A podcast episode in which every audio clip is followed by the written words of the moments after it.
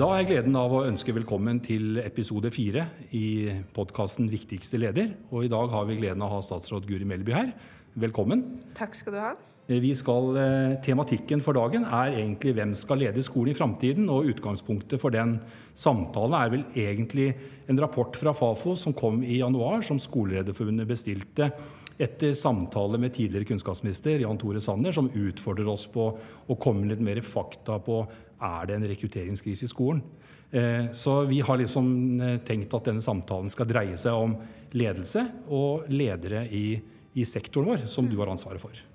Ja, og Det er jo et utrolig viktig tema, så jeg er veldig glad for å få lov til å være med og snakke om det. Ja, Veldig hyggelig at vi fant tiden til det i en hektisk hverdag. Vi vet at det drar seg i gang fort eh, neste uke allerede. Ja, det gjør det, og det er jo sikkert i likhet med alle andre ledere da, i Ja. skoler og barnehager. At det her er vel noe av det mest intense tida i året, egentlig. Ja, det er det. Og du vet at i akkurat denne uka her, som gammel eh, rektor, så er det nå du har tiden til å planlegge. På tirsdag kommer lærerne, og neste mandag kommer elevene. Og vi lever jo under gult lys, som du har vært ute og sagt. Og det er jo mange forhold rundt det som også påvirker hverdagen i dag, som er litt annerledes enn man pleier. Ja, det er en spesiell tid, og da er det også ekstra krevende, men også ekstra viktig å være leder. Ja, det er godt å høre. Eh, Hvis vi tar utgangspunkt i den rapporten som kom nå har, eh, Den ble jo presentert i januar. Og, og som jeg sa innledningsvis, så, så var et av de momentene som, eh, som vi ønsket å belyse, var egentlig hva er det, hvordan ser det ut? Det har vært gjort mange tidligere undersøkelser, men den undersøkelsen var ca. 1500 som svarte på, 121 eller 25 skoleeiere, for å bruke det begrepet. Og det, man fant jo ganske fort ut at uh, veldig mange av de som svarte, de var jo i en situasjon hvor de følte seg eh, pressa administrativt. De følte litt at det var mye arbeid 24-7, for å bruke et sånt begrep. Og så var det når vi spurte de om lønn Lønn var ikke det viktigste, men vi spurte om lønn, så sa de at lønn er viktig. Så en av rektorene som ble sitert i rapporten, uttalte at eh, rektorjobben har gått fra å være en gallionsfigur til å bli en eh, altmuligmann. Og det valgte Fafo som et eh, headline på rapporten.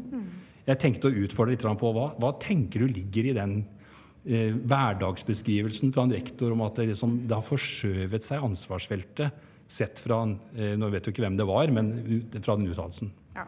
Altså, Den uttalelsen stemmer jo ganske bra overens med den virkeligheten som jeg har møtt også. Jeg har jo besøkt veldig mange skoler, eh, snakka med mange rektorer. Eh, mens jeg var stortingsrepresentant, så besøkte jeg over 100 skoler og barnehager. Eh, og det er jo mange der som beskriver en hverdag som ligner veldig på det. At man skal gjøre alt fra å drive skoleutvikling og drive det overordna pedagogiske arbeidet og sørge for at man får en god skole for alle elever, helt ned til litt sånn praktiske detaljer. Eh, veldig mye krevende knytta til jussen i skolen, som har blitt mer og mer komplekst, egentlig. Som kanskje mange føler at de mangler litt kompetanse på. Eh, så det at rektor er en altmuligmann, det tror jeg stemmer godt overens mange steder. Og det tror jeg jo er noe som vi bør ta med oss eh, når vi tenker på rekruttering av ledere. Eh, hvordan vi skal greie å utforme den oppgaven eh, på en sånn måte at det både oppleves som attraktivt og motiverende. Og, og så er jeg litt opptatt av at folk må få lov til å gjøre det de er best på. Det er viktig på alle arenaer i samfunnet, og det er også viktig i skolen. Så det at vi har gode nok støttefunksjoner, f.eks. i skolen, alt fra det administrative til at man har en ledelse som består av da, mer enn bare én person, og der man kan fordele oppgavene på en god og fornuftig måte, det tror jeg faktisk er ganske viktig for at rektorjobben skal være attraktiv for, for de folkene som vi ønsker at skal være ledere. Da. Ja. Og det, og det syns jeg er veldig godt du tar fram, fordi at noe av det vi i Skolelederforbundet er veldig opptatt av, er jo akkurat den, den ensomheten det er for veldig mange av våre eh, me- medlemmer og ledere i skolen, og også i barnehagen, som faktisk sitter med veldig, veldig bred portefølje. Og ofte opplever man jo at som leder så har du også veldig mange seksjoner i kommunen da, som henvender seg rett til rektor. og har du sikkert blitt eh, orientert om på dine reiser. Så akkurat det med støttefunksjoner, og det er nok også slik eh, at man ser eh, disse eh, lederoppgavene litt forskjellig. Det er det nok.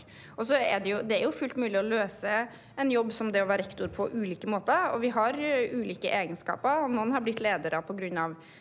Ja, at de er en god personalleder, at de er gode til å få til samarbeid, mens andre er kanskje litt mer den visjonære lederen. Altså, vi har ulike egenskaper, og det mener jeg det må være rom for litt ulike rektortyper i landet vårt. Men det som jeg er litt opptatt av, er i hvert fall at ikke rektor skal drukne i på en måte administrative oppgaver, bli liksom slukt av hverdagen og alle sånne småting som skal løses, men at man faktisk setter av tid til å sikre denne utviklinga. Ja. At det tror jeg at det er egentlig ingen andre som kan gjøre enn lederen. Det kan ikke den enkelte lærer ta ansvar for, det må du ha en ledelse som tar ansvar for. Eh, hvordan man greier å implementere nye planer, hvordan man greier å bli en kunnskapsinstitusjon da, som tar inn over seg ny kunnskap, ny forskning om skole, og der alle hele tida er i en utvikling. Det tror jeg er egentlig på mange måter hovedoppgaven, og det er sånn som lett blir skjøvet litt bak, da, på, litt nederst på lista di når du sitter der og må løse vikarutfordringer eller kutt i budsjettene eller hva det nå skal være. da. Ja, for det blir ofte de administrative oppgavene som, som på en måte brenner mest. Mens det du egentlig skulle brukt mest tid på, var jo det å samhandle med læreren og de øvrige ressursene i skolen for å bedre vilkårene for, for læringa. Da. ikke og rett og slett løfte seg inn i, i nye problemstillinger og utfordre seg sjøl som kunnskapsorganisasjon. Ja. ja, for nå står vi jo f.eks. i en situasjon der vi skal gjennomføre nye læreplaner. Fra høsten av så blir jo fagfornyelsen eh, implementert. Og i en sånn situasjon så har jo lederen en utrolig viktig rolle i å sikre en god innføring av det. Eh, og hvis ikke lederen greier å ta tak i det, sørge for å få med seg hele personalet, eh, sørge for den skoleringa som trengs, sørge for at man får rom for de diskusjonene som trengs, og den fornyelsen som trengs, så vil ikke vi få gjennomført noe som er så viktig som det. Nei.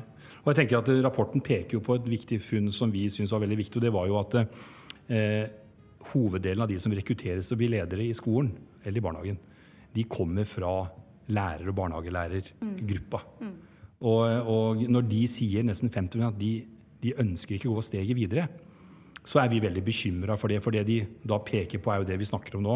At de ser at det de har lyst til å holde på med, altså jobbe med pedagogisk og faglig utvikling, det kommer ofte i, i bakkant.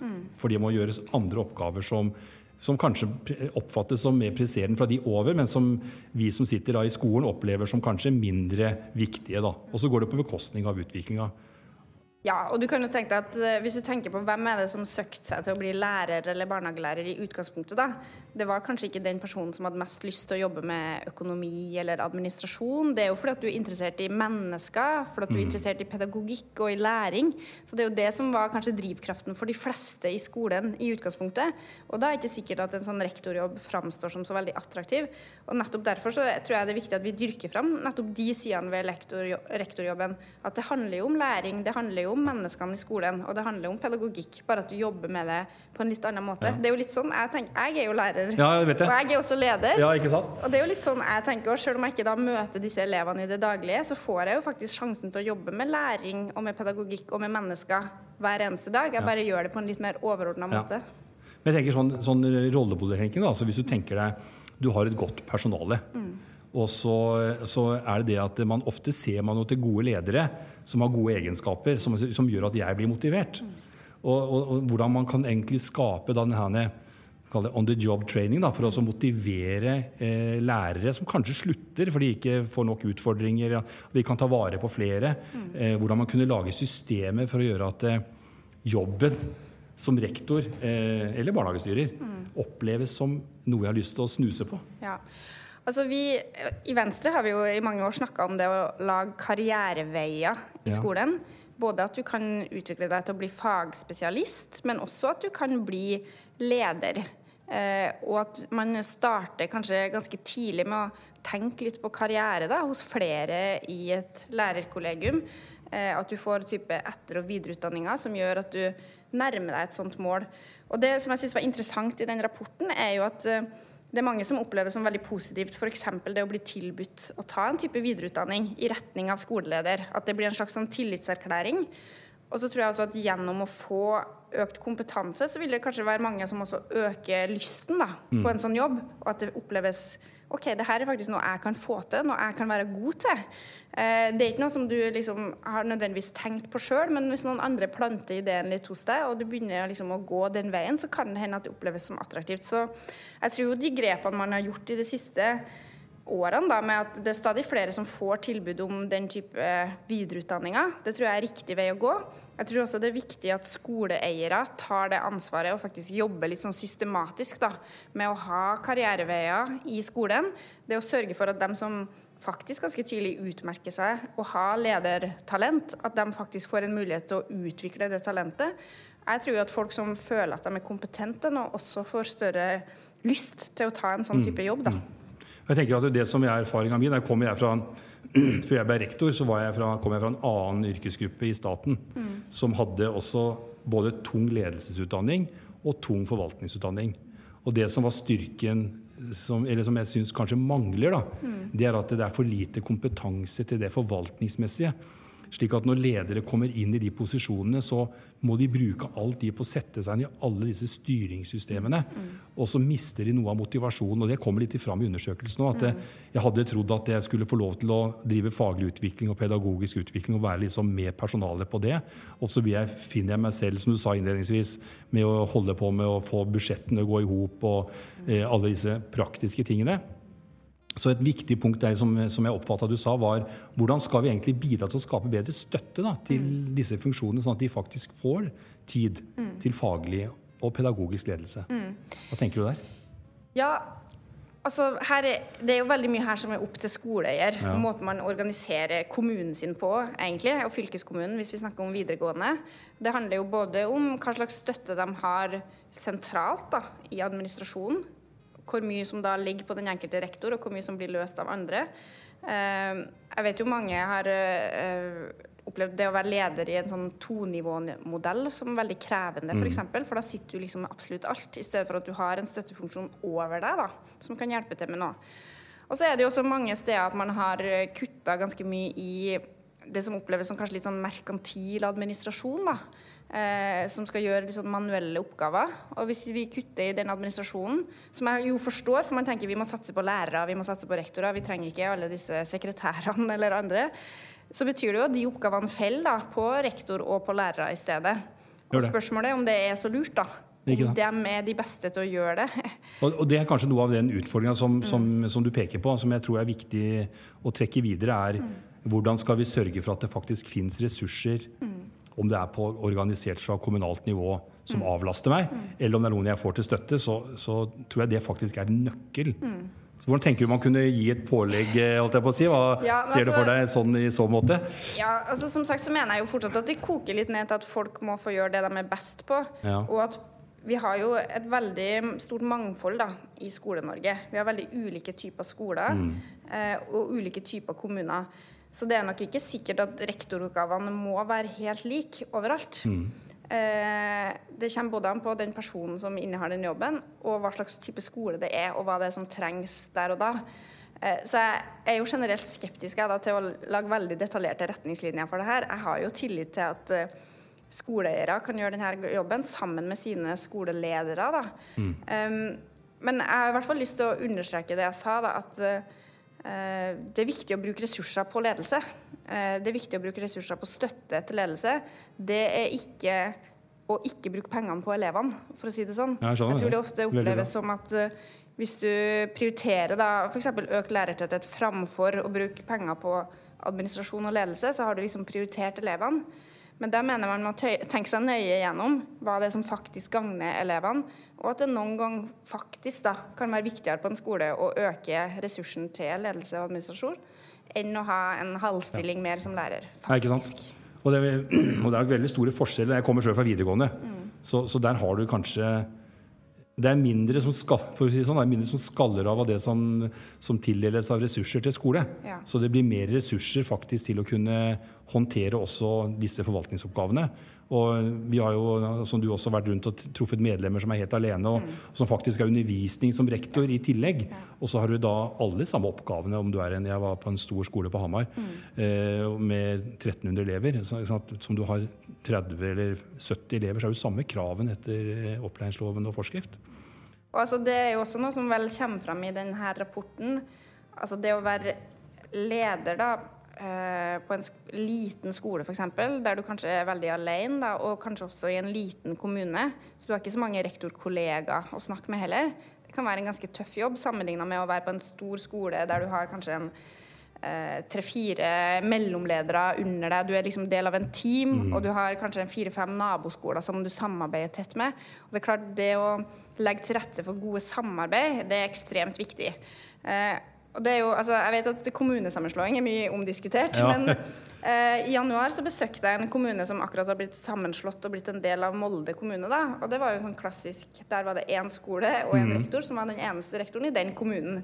Og hun var veldig tydelig på at det å nå bli del av et team sammen med flere andre rektorer eh, var utrolig nyttig for henne. Eh, og det kan man selvsagt få til uten kommunesammenslåing også. Man kan samarbeide på tvers av kommunegrensene. da. Eh, men jeg tror jo for oss alle så blir vi bedre ved å snakke med andre. Altså. det. Så det å lage disse gode teamene, disse gode støtteordningene, det er utrolig viktig. Jeg tenker også, det- går liksom, Hvis man ser for seg den sånn samarbeidende profesjonalitet, da, så betyr jo det sant, at det, som leder av en skole, så burde du også, hvis du har én engelsklærer, så burde du egentlig knytte opp til noen rundt. Og nå med, For å snakke om digitalisering, så er det jo mulig, og vi har jo lært det ganske godt, at det går an å samhandle. Og det, Forskningen viser at der du får til sånt samarbeid over så vil også den enkelte lærer føle at de har- inngår i et fagmiljø. Det er jo store forskjeller på om du er på en mindre skole og en stor skole hvor det er mange du kan snakke med. Så bare det å skape de arenaene, og det gjelder jo også for ledelse. Ja. Og det kan også gjelde for, tenker vi, da, også for støttefunksjoner. At man kan Ja. Og jeg tror jo faktisk som, altså, I denne koronasituasjonen som vi fikk da, eh, så var det jo mange som da eh, kanskje samarbeida tettere enn det de hadde gjort før. Jeg deltok jo faktisk på et sånt skoleledermøte i en kommune og fikk Ja. høre deres samtaler. da, eh, Som de hadde da mye oftere enn vanlig, egentlig, fordi at det var en sånn situasjon som tvang dem til å gjøre det. Eh, Men da fikk man jo både verktøyet til å gjøre de samtalene på en veldig enkel og grei måte, og jeg tror jo mange opplevde at det var veldig nyttig. Og jeg tror jo kanskje at noen også tar med seg det i en litt mer normalisert hverdag, da. Eh, Så det tror jeg jo faktisk kan bidra positivt. Vi så jo også at eh, koronasituasjonen Vi har jo fått rapporter som viser at ni av ti lærere mener de fikk bedre digital kompetanse. Ja, ja, ja. Eh, Og det er jo noe vi må ta med oss videre da, når vi skal utvikle norsk skole. Ja, og det, var, det er jo, Regjeringen har jo gjennom de til, beskrevet også satsinger da, i forhold til også å investere i materiell, altså utstyr. Og Det har jo vært en diskusjon også rundt det. og Det er jo nok et eksempel på hvordan eh, det politiske nivået da, egentlig har gode ideer. Nå, er det, nå skal rektor og lærerne telle skjermtid. Sånn? Altså, Ja, jeg er uenig i det. Da. Ja, det er bra, det er bra. Så, Derfor det håper det kommer en sak omtrent samtidig som det her eh, legges ut, om at eh, altså, det der ensidige fokus på sånn antall timer, Ja. og det å på en måte gi skolen ansvaret for hva som skjer i heimen, vi må passe på at ikke det går for langt. da. Ja. Eh, det skolen har ansvar for, er å sørge for at eh, digitale verktøy blir brukt på en fornuftig måte i skolen. Ja. Og så må vi som er foreldre ta ansvar for hva som skjer i heimen. Og så må det veldig gjerne være en god dialog. Det er kjempeviktig. Eh, men det er også, jeg mener det er en ganske betydelig forskjell på om ungene da sitter hjemme og ser litt på Netflix eller YouTube eller noe, og den måten digitale verktøy skal brukes på i skolen. Det går ikke an å sammenligne engang. Så det å kunne liksom slå sammen det to og si at nå blir det for mange timer, det mener jeg er helt feil vei å gå. Nei, for Det er jo læreren som eh, i den strategien skolen har i forhold til bruk av eh, de digitale verktøyene, som legger opp sin modell for bruk av det. Og Jo mer kunnskap lærerne får, jo mer vi gir de av kunnskap, og, skolelederne og også, så vil jo dette her eh, bare utvikle seg til positivt. Og da må man se det som om det er en bok eller noe annet Ja. man bruker. Og ikke se på som, som du sier, at det er Netflix eller YouTube, for det er jo bare å sitte og se. Og vi ser jo faktisk at det er en rivende utvikling. Ja. Det kom en rapport fra Sintef i fjor som viser at uh, bruken av uh, data og andre digitale verktøy har økt kraftig. Men eh, altså den ufornuftige bruken og den, eh, det at det oppleves som forstyrrelse og sånn, det har gått nedover. Så vi bruker det mer, men vi bruker det mye mer på en fornuftig måte nå enn bare for fem år siden. Og det tror jeg jo er nettopp fordi at både skoleledere og lærere har økt kompetansen sin. De vet mer hvordan det her kan brukes, og greier å bruke det på en pedagogisk god måte.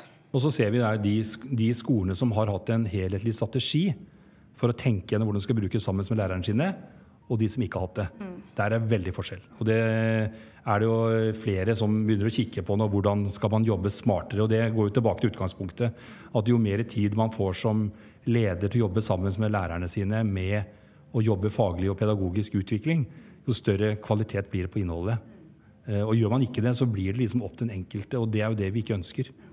Nei, og så Alt her koker jo egentlig ned til altså, den gode lærer og den gode rektor. Alt handler om kompetanse. Og da tenker jeg jo at eh, Hovedstrategien for oss da, som eh, statlige myndigheter, som regjering, er jo nettopp å satse på det. Det å satse på at ledere får den tilleggsutdanninga de trenger. Det er også å satse på at flinke, ambisiøse folk søker seg mot lærer- og barnehagelærerjobben. Eh, så den jobben vi gjør med å løfte statusen til både lærerutdanning og barnehagelærerutdanning generelt, den mener jeg faktisk er ekstremt viktig. For det starter jo allerede der. Mm. Hvilke 18-19-åringer er det som søker seg inn på lærerutdanninga? Er det de flinke, ambisiøse folkene som også kan tenke seg å ha en lederjobb i framtida? Det er det faktisk viktig at vi legger litt vekt på. Mm. Og det er veldig positivt å se at statusen faktisk har økt. At det er en ganske kraftig økning totalt sett da, eh, på søkinga til lærer- og barnehagelærerutdanning og at det også er flere som gjennomfører på en god måte, det tror jeg jo gir oss et godt grunnlag for framtidas lærere i skole- og Barnehage-Norge. Og så tror jeg også at Hvis man da ser at man får de gode lærerne og de gode barnehagelærerne inn i skole og barnehage, og de har gode ledere som har tid til å både drive eh, personalutvikling og faglig og pedagogisk utvikling i de ulike virksomhetene, vil også stimulere meg til å si ja, men det er en jobb jeg kan tenke meg å ta. Mm. Eh, også, også, det er et veldig godt poeng du drar fram. Så vil jeg, selv om det ikke er statsrådens anliggende, si at vi er jo bekymra for at eh, nå løftes jo lærerne eh, nasjonalt, kan du si, gjennom lønnsforhandlinger i, og, begynner å få en ganske bra, rett, eh, en bra utvikling, i hvert fall hatt de siste årene. Eh, mens ledernivået det begynner å bli tatt igjen av lærerne. og Det også er en faktor som undersøkelsen peker på. Mm. At det hvis det ikke blir MD er altså en faktor når du jobber så mye som du gjør, så må det være, liksom, det må være noe forskjell i ansvars... Du har større ansvar. Å gå fra den ene til den andre arbeidet inn i skolen. Det ser vi også da, i forhold til å motivere for rekruttering. Ja, jeg tror at lønn betyr åpenbart noe. Vi skal ikke late som at det ikke betyr noe. Og det er lov å la det bety noe. Du er ikke en kynisk person som ikke Nei, ikke sant? Nei, det mener jeg det er helt greit. Du bruker masse tid på den jobben. Det er stort ansvar. Eh, og en ting vi ikke har snakka om, men som jeg tror også oppleves som ganske krevende, er jo at det å være leder, kanskje særlig kanskje litt mindre sted, det er også en ganske sånn utsatt rolle. Du er veldig eksponert alle i bygda vet hvem du er. Eh, går du på butikken, så henvender folk seg til deg, og de vil snakke med deg. Og, så det er jo en sånn jobb du ikke kan legge fra deg. Eh, det er litt, egentlig litt sånn sammenlignbart med det å være politiker. At du ja. får liksom aldri fri. Eh, og det, jeg tror det er viktig at det selvsagt også gjenspeiles i den lønna du får. Og, og, det er jo litt sånn at det, det var en uh, av de fagfolkene vi samarbeider med, da, Dan Jørg Paulsen, han kalte noe som at vi på en måte er jo som skole og barnehage som et litt sånn fluepapir. For at det, det tiltrekkes altså Det er veldig mange som har meninger.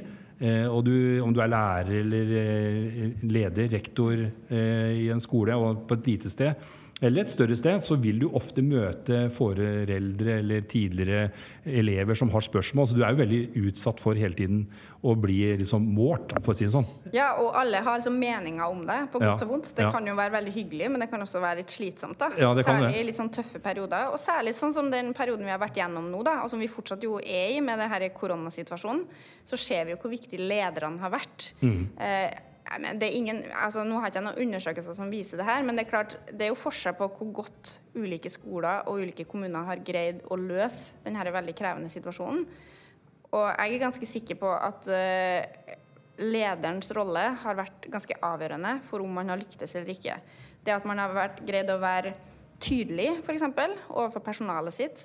Både betrygge dem og gi veldig sånn klare kjøreregler da, for hvordan ting skal gjøres. Det tror jeg er ekstremt viktig når så mange føler seg litt usikre og litt mm. utrygge. Så det å tørre å på en måte ta den veldig klare lederrollen, eh, det å skille mellom hva som er viktig og ikke viktig akkurat nå, eh, det å greie å prioritere på en god måte, alt dette her, eh, det er det lederne som er nødt til å gå foran og gjøre. Så jeg er ganske sikker på at det har vært avgjørende for om man har greid å gi et godt tilbud ja. eller ikke. Og også den ganske kraftige omstillinga knytta til å lage disse digitale klasserommene. Altså, ja. På et døgn så ble jo norske klasserom digitale de fleste stedene. Eh, og det er klart at det er heller ikke noe som den enkelte lærer kan greie å gjøre. Han kan alltids løse det for sin klasse, men hvis du skal få det til i stort skala, så er du nødt til å ha ledere som går foran, som vet hva personalet sitt kan få til, som vet hva slags støtte de trenger for å få til det her, og som bidrar positivt til at man lykkes med det. Mm. Og jeg tenker det, i, mange sammenhenger så har du, har du sett da, at uh, det er veldig bra at du tar det fram. for jeg tror at mange, i mange sammenhenger så blir ofte læreren tatt fram først, og det er en viktig funksjon. Men vi er jo, nå er jo overordnet del i, i, godt i krafttreden fra, nå, fra fagfornyelsen begynner å rulle nå i høst. Og der står det ganske tydelig at det er jo en, et fellesskap. Mm. Som består av ledere, støttefunksjoner og lærere. Og, og det at de sammen og det, Vi snakka litt om den, de første podkastene i denne podkastserien. Der snakka vi litt med ledere som belyste akkurat det du er inne på. Så det er, eh, tror jeg er veldig viktig at man tør faktisk også å si at eh, ledelse er betydning eh, i samarbeid. En tillitsbasert ledelse. Og jeg husker en skoleleder jeg møtte. Eh, hun sa det at eh, det er min jobb å sørge for at elevene ikke skal ha flaks med læreren. Når du kommer på den skolen her, så skal ikke ha noe å si hvilken lærer du får. Det skal ikke være sånn at foreldrene sitter og diskuterer å, vi var heldige som fikk hun, mm, mm. i stedet for han som er på den andre klassen her. Ikke sant? For det, det, skal, det, skal, ikke ha noe å si. De skal Nei. være like gode, de skal samarbeide. De skal drive med det samme opplegget på kryss og tvers. Eh, det, så det skal ikke være sånn at 1B har det veldig mye bedre enn 1A. Her skal det faktisk være like god kvalitet, og det er det hennes jobb som rektor å mm. sørge for. Jeg syns det var en veldig god måte å se på. Veldig enig. Veldig godt beskrevet, syns jeg. Og jeg tenker sånn, I forhold til å dra det her liksom mot slutten av denne lille episoden vår, så, så er det noen ting som jeg godt kunne tenke meg bare vi runder mot uh, mot enden av sendingen. og Det, det, det første går liksom på eh, Vi snakker jo om en bekymring vi har da, for rekruttering. Vi har vært inne på flere områder. Og vi ser at eh, vi sitter i en europeisk skolelederorganisasjon som består av 27 lederorganisasjoner i EU og EØS. Og det er sammenfallende. De har, kommet, de har enda verre stilt enn oss, veldig mange land. Jeg har ikke søkere i hele tatt på skoler. Senest i går så jeg min egen hjemkommune som i Brumunddal, hvor en stor barneskole lyser ut for tredje gang etter rektorer. Så det er ikke noe vi bare kan prate om, vi må faktisk gjøre noe. Så jeg tenkte å utfordre deg på hva tenker du i forhold til også et, uh, hvilke initiativer bør vi gjøre nå for å sikre oss? Vi har snakka veldig mange ting som er viktige for det å være leder i skole og barnehage. Mm. Men hvordan skal vi sikre at ikke de gode lærerne som ønsker å bli ledere, nå gjør noe annet? Mm. Altså, det her er jo en ganske krevende utfordring, og jeg tror dessverre ikke det finnes en sånn quick fix. Det er ikke noe jeg kan vedta i morgen som gjør at vi får flere søkere på den skolen i Brumunddal. Det er det ikke. Eh, så det her er noe vi må jobbe systematisk med over tid. Vi har jo gjort det, som du sier. Vi er jo på mange måter bedre stilt enn mange andre land. Det tror jeg er pga. den sterke satsinga vi har hatt på f.eks. rektorutdanning. Eh, og på den jobben vi har gjort med å heve statusen til læreryrket og til skoler generelt, egentlig. Jeg tror det er ganske viktig for at det skal være en attraktiv jobb å søke seg til. Så jeg tror jo vi er nødt til å fortsette på mange av de sporene vi allerede har starta. Men så tror jeg det å nå få mer debatt om hva rektor egentlig skal gjøre, hva som skal ligge i den oppgaven, tenker jeg også er et viktig spor å gå mm. videre på. da. Eh, hva slags støtte kan en rektor forvente å få? Eh, sånn at det ikke oppleves som en sånn oppgave der du egentlig At det ikke oppleves som en sånn Urias-post, da. Mm. Eh, der du på en måte bare får egentlig de litt sånn kjipe oppgavene til en bitte litt høyere lønn. Ja. Men at det faktisk er noe som er spennende. Mm. Noe som du som en god pedagog eh, tiltrekkes av. Tenker at det her er viktig. Nå har jeg en viktig rolle i å utvikle norsk skole og gjøre den enda bedre for mine elever. Så jeg tror det å se på hvordan vi kan reindyrke den rollen litt. Og så mener jeg også at vi vi kan også bidra til å øke statusen til denne lederjobben ved å se litt på hvilke krav vi stiller. De kravene vi stiller nå Vi stiller jo faktisk klarere krav til hvem som kan være lærere, enn hvem som kan være rektorer i skolen. Eh, vi sier at du må ha en pedagogisk utdannelse, men det er omtrent det. Mm. Jeg har jo lyst til å ta en liten diskusjon om vi bør være tydeligere på det. Hvem er det som kan være rektorer? Det, kan, det er en fare med det at vi snevrer inn for mye. Men det er også en sjanse for at vi liksom øker statusen og tydeliggjør ja. mm. hva en skoleleder skal være. For det er litt, uh, tror jeg, utfordringa ligger, da. Jeg er veldig glad for at du sier det, for vi starter nå neste torsdag. Så har vi samla noen forskere som skal begynne å se på eh, lederprofesjonen i, i sektoren. Og Det er blant annet noen momenter, og et av de som han professor Rudi Kirkehaug ved Universitetet i Tromsø som kommer hit, sier at det er noe med anerkjennelse og verktøyene for ledelse som ikke er på plass og som vi faktisk må se litt på. Så vi, vi, kommer gjerne i gang med en sånn refusjon. Vi starter opp med det, så kan vi orientere statsråden om hva vi gjør. For det vi har som målsetning, er å prøve å få fram noen ikke kriterier, men noen beskrivelser av hva slags typer ledere bør vi ha i sektoren. Mm. Noe mer enn bare at du skal være innom de fire hovedelementene som ligger i UDIrs beskrivelse. Mm. Men at det er noen andre faktorer også som er viktige, og som vi har diskutert faktisk nå flere av. Mm. Og så tror jeg jo det er viktig at altså dem som ansatte, da, skoleeierne, at de har en klar plan for det her. At det er noe de jobber systematisk med.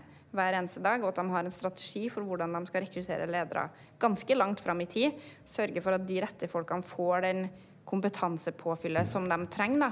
Men så vil jo jeg veldig gjerne ha dialog med dere, da, både i forbundet og altså alle som er skoleledere og barnehageledere rundt omkring i landet, og få innspill på det her. For jeg mener det er en høyt prioritert oppgave.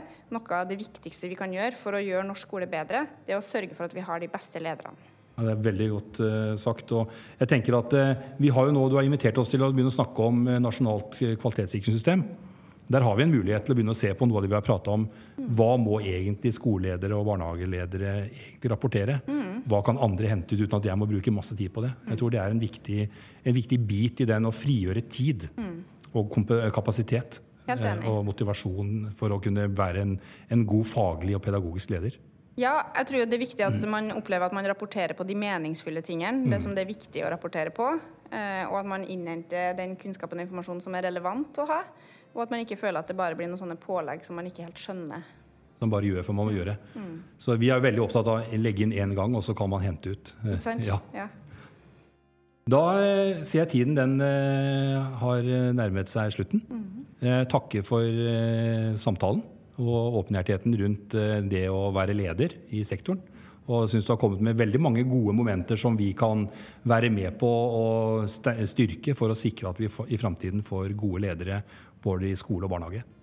Tusen takk for at jeg fikk lov å være med. Eh, og jeg håper jo at mange hører på det her nå snart. Så jeg tror jeg har lyst til å benytte sjansen til å si tusen takk for en fremragende jobb i en krisetid, og lykke til med ny skolestart. Eh, det er viktig nå at vi sørger for å ta imot elevene på en god måte, og også at vi greier å drive skolene på en sånn måte at vi slipper å stenge dem igjen. For det må vi unngå. Takk skal du ha.